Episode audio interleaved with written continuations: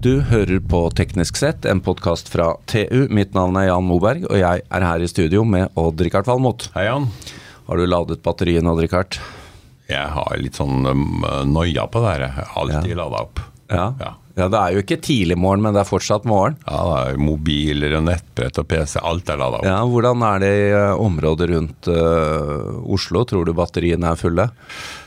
Det varierer vel litt, men uh, hvis vi går til det store batteriet Et av verdens største, er det ikke det? Verdens største batteri. Norske ja. vannkraftmagasiner. Det begynner å bedre seg. Så er det begynner å bli veldig bra. Vi ja. har vært nervøse, hele nasjonen har vært nervøse nå, ja. utenom dine ord, da. Og så har vi jo, Men de batteriene er ganske kalde. Det er jo ikke mange gradene i, i dette ferskvannet oppe i fjellheimen. Det er freezing om vinteren, altså. det det. men vi var for eh, egentlig bare et par år siden i Mojave-ørkenen i California, Richard, mm. og da, da fikk vi Vi så det jo ikke, men der var det jo et veldig varmt batteri.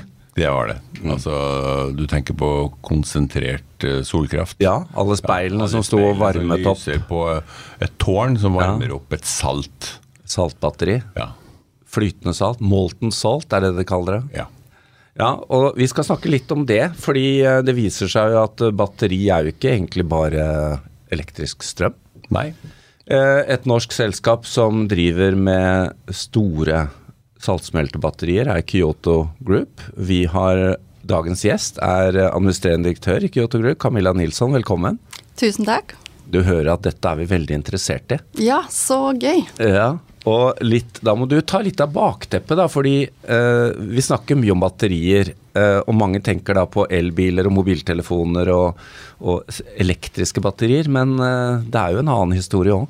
Ja, så bakteppet her er jo veldig spennende, for helften av energibehovet i verden er varme. Ja. Og det snakker vi ikke om. Og i dag blir det i stort sett produsert med fossile brensler. Og det er 40% av dagens CO2-utslipp kommer fra det. Så om vi klarer å elektrifisere varme, så adresserer vi 40% av CO2-problematikken. Og det er løsninger tilgjengelig i dag, men det hører vi nesten ikke om. Men, men, eh, er det Altså, jeg tenker jo på eh, Hvis vi tar eksempelet til Norge, da, så har vi jo store varmekrevende industrier i Norge. Eh, fra Tyssedal og til eh, Årdal og ja, de store, kjente industriene. Er det, er, er det mange stort behov i industrien, da?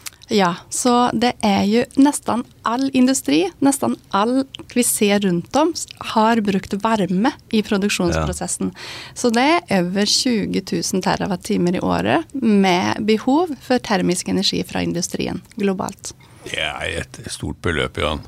Ja, du verden. 20 000 TWh. Altså I Norge så har strømnettet eh, produserer 140 ja, da, det er litt å gå på. Det er litt å gå på.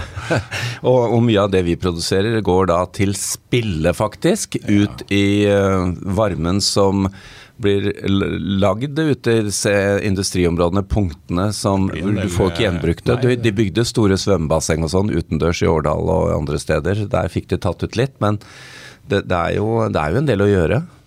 Det er eh, en del å gjøre. Så du har både elektrifisering av all den termiske energien som industrien trenger, og så har du det å fange den restvarmen, eller overskuddsvarmen fra industrien rundt om i verden, som er igjen over 2000, jeg tror det er ca. 2500 terawattimer globalt med varme som bare går til spille. Da må vi høre litt om hva er det nå dere i Kyoto Group gjør som skal gjøre holdt å si om, om uh, omdanne denne muligheten for å, for å lagre varme? Ja, så Vi er klar for å elektrifisere eh, produksjonen av varme til industrien. For å kunne gjøre det, så trenger vi også lagring. Eh, så det er vanvittige mengder med sol- og vindkraft eh, som blir implementert i dag, men det kontrollerer vi ute. Så da, eh, så det, da trenger vi lagring. Så vi er den asseten som, er, som sitter mellom de sol- og vind, volatile strømkildene, og det stabile behovet som industrien trenger. Så vi lader vårt batteri når vi har strøm, og så leverer vi det når industrien trenger det. Det er jo litt sånn skremmende, for at eh, når det blåser mye i Tyskland, så får vi billig strøm.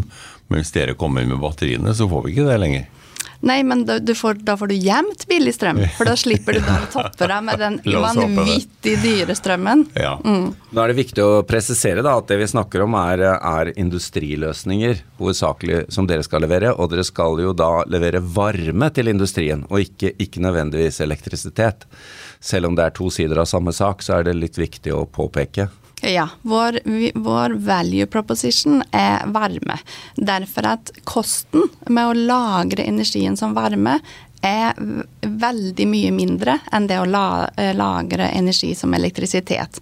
Så det er litt sånn om slutbehovet er varme, da er det liksom lagring som varme som Ja. er det enda som Går lite tapt på veien. Ja. Men eh, hva snakker vi om av størrelser og temperaturer og, og sånn her, da? Ja, så vi har nå et modulært batteri som vi dimensjonerer etter behovet fra industrien. Så vi kan dimensjonere det fra 8 megawatt-timer opp til 96 megawatt-timers lagring på ett batteri. Og så har det da en discharge-kapasitet på 5 megawatt, og så kan vi lade det med en 10, 20 eller 30 megawatts eh, heater. Og det er meningen at det her skal pulse gjennom på kort syklus. Ja, så det mest typiske som vi ser er jo sånn dag til natt, eller natt til dag load shifting. Så typisk i Spania så kan vi da lade batteriet på dagen når det er sol, og så kan vi fortsette å levere varme på natten til de industrier som kjører eh, 24-7. Alternativet i dag, da? Ja, så i dag blir alt det her i stort sett produsert med gassboiler som står rundt om i industrien. I Norge så finner du en del electrical boilers. Eh, Så du har jo elboilers som, som produserer varme. Men problemet med en elboiler er jo at den, da, da trenger du elektrisiteten. Og når vi nå faser inn så mye sol og vind, så er jo den veldig volatil. Ja. Så du kan jo ikke kjøre elboileren kontrollert. Nei, men på en annen side så er jo dette den store muligheten sånn klimamessig, da. At her kan du virkelig få ned utslippene, fordi du kan bruke sol og vind til å lage den varmen som du ellers ville ha måttet bruke gass, eller eventuelt eh, fossilfyrte kraftverk for å få til.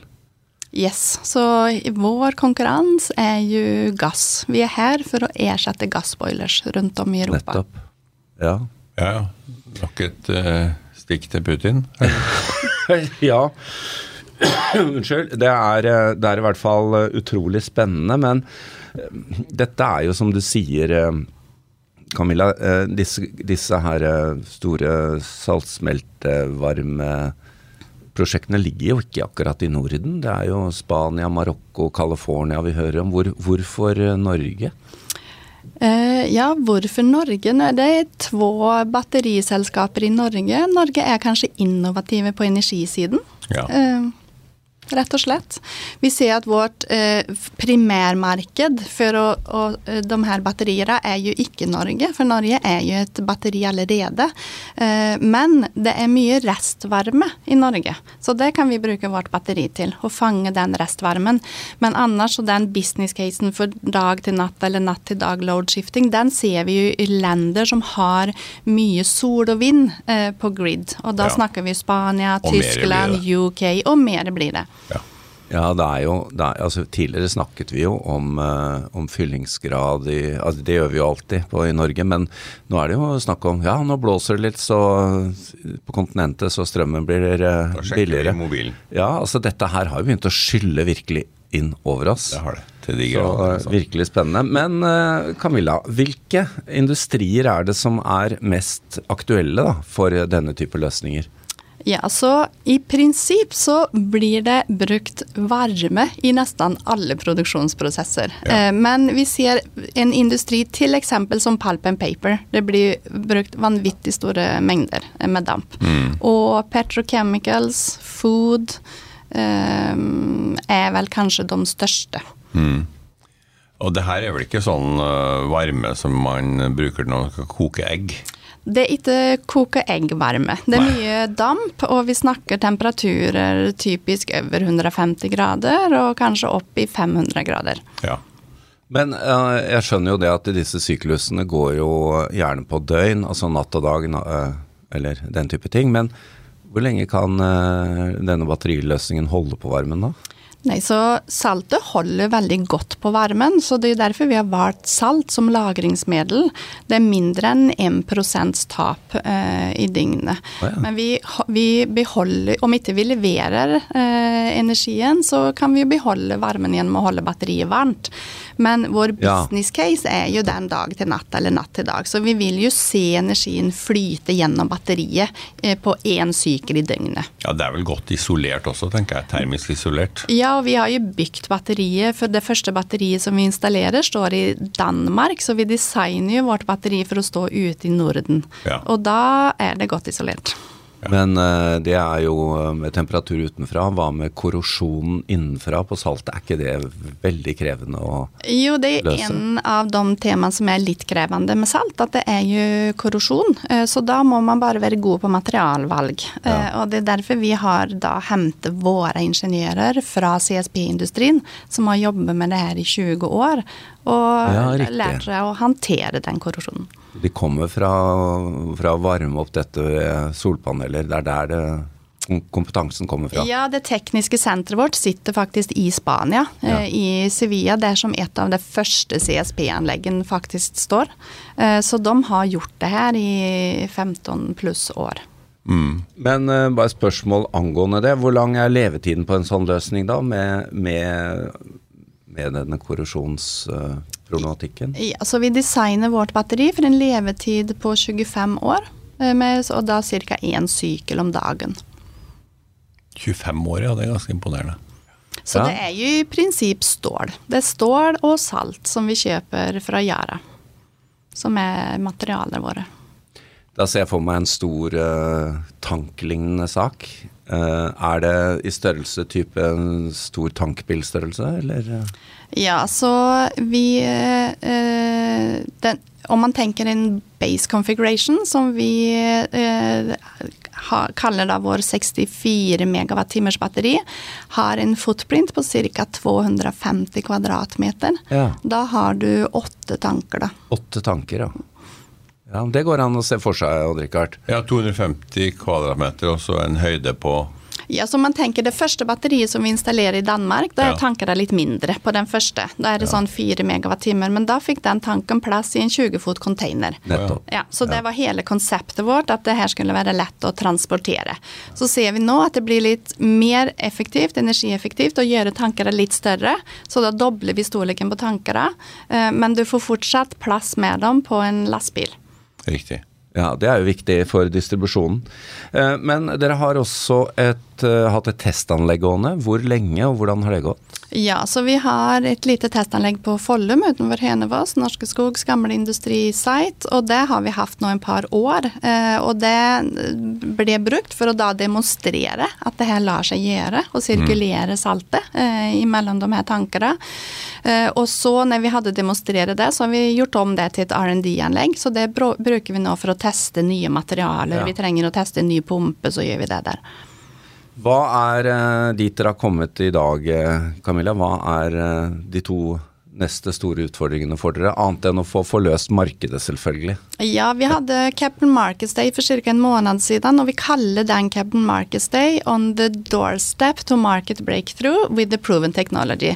Og vi føler at det er der vi står. I den geopolitiske situasjonen som vi står i nå, så har det blitt et voldsomt behov for å, denne type løsninger. For ja. alle i industrien leter etter løsninger for å erstatte den gassen.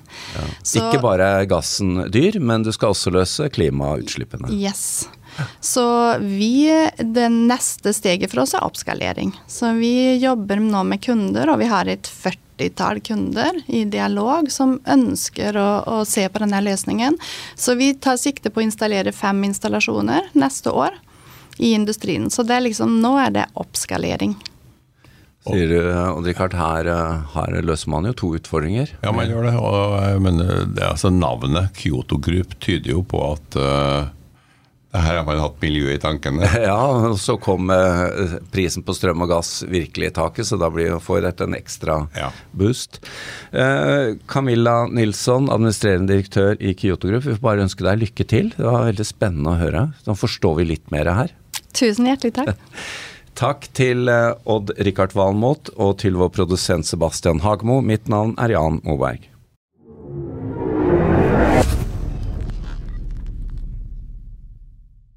Hallo? Jeg kommer fra Oslo politikammer. Ine Jansen er purk. Er du purk? The motherfucking bitch. Alt jeg vil, er å finne ut hva som skjedde med mannen min. Jon Carew. Er jeg sikta for noe? Iben Akeli. Det er du. Ole So, Lars Berrum og Big Daddy Karsten. Hvem sin side er du på, egentlig? Anette Hoff, Tone Danielsen, Kommer du fra Afrika? Jørnis Josef, Nesten kløfta. Trond Espen Seim, Det er synd å si det, men det var feil mann som døde. Purk. Premiere søndag på TV2 Play. Har du et enkeltpersonforetak eller en liten bedrift? Da er du sikkert lei av å høre meg snakke om hvor enkelt det er å sende faktura med fiken. Så vi gir oss her, fordi vi liker enkelt. Fiken superenkelt regnskap. Prøv gratis på fiken.no. Driver du en liten bedrift? Da tenker du sikkert at dette er en reklame for fiken. Men det er det ikke, for vi er Folio. Folio er en banktjeneste for bedrifter, og vi er fikenbrukerne sin absolutte favoritt. Med Folio får du nemlig en superenkel nettbank og kjappere regnskap. Dessuten får du påminnelser om alt du ellers må huske på. Med Folio er alt samlet på ett sted, og du får umiddelbart kontroll over utgifter og kvitteringer. Besøk folio.no og se hvorfor bedrifter foretrekker oss fremfor de store bankene. Folio smartere enn banken.